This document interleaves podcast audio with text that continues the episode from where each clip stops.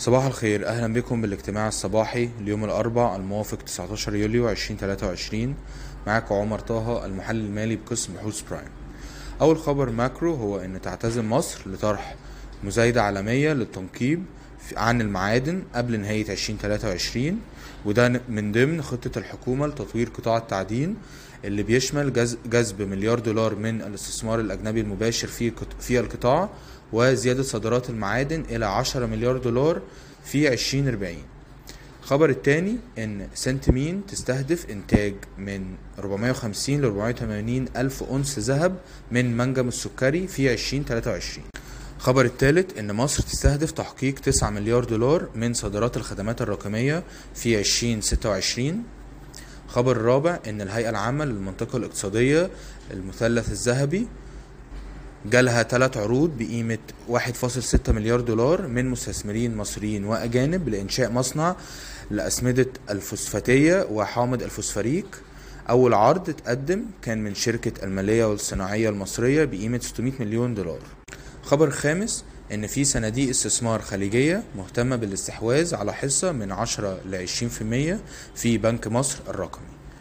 آخر خبر macro إن الحكومة المصرية بتستهدف زيادة غرف الفنادق بحوالي 200 ألف غرفة وتحسين شبكات المواصلات و وكمبادرة الحكومة هتوفر رخصة ذهبية لمشاريع السياحة خلال 20 يوم من تاريخ التقديم. بالنسبة لأخبار ال corporate أول خبر هتقدمه زميلتي نوران عن نتائج CIRA.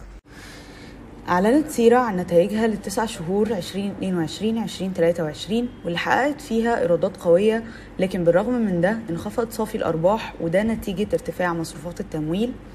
صافي الأرباح تراجع في التسع شهور ب 17% على أساس سنوي ل 351 مليون جنيه بسبب ارتفاع مصروفات التمويل ل 271 مليون جنيه بارتفاع 97% على أساس سنوي. ومع ذلك الإيرادات وصلت ل 2 مليار جنيه بنمو 37% على أساس سنوي. وده بسبب الرسوم الدراسية المرتفعة اللي وصلت لمليار و700 مليون جنيه بنمو 23% على أساس سنوي. أما عن هامش مجمل الربح فانخفض بسبعة ونص نقطة مئوية على أساس سنوي ل 52% وما كانش أداء الربع الثالث مختلف عن التسع شهور فانخفض صافي الأرباح في المية على أساس سنوي ووصل ل 130 مليون جنيه. ومرة تانية ده كان بسبب الارتفاع في صافي مصروفات التمويل ل 90 مليون جنيه بارتفاع 64% على أساس سنوي. وارتفعت الإيرادات ل 701 مليون جنيه بنمو 35% على أساس سنوي بينما انخفض هامش مجمل الربح ل 54% بتراجع خمس نقط مئوية على أساس سنوي. الخبر الثاني إن شركة طلعت مصطفى تعتزم طرح سندات توريق لاشتراكات الأندية بقيمة 500 مليون جنيه.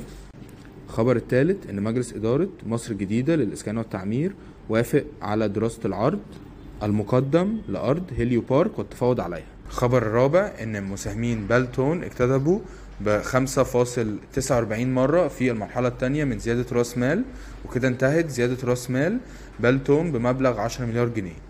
خبر خامس إن يقال أن طرح حصة من بنك القاهرة مش متوقع أن يحصل في 2023 آخر خبر إن شركة أوراسكوم المالية القابضة استحوذت على حصة أقلية في سيمبل من خلال زيادة رأس مال. شكرا لاستماعكم للاجتماع الصباحي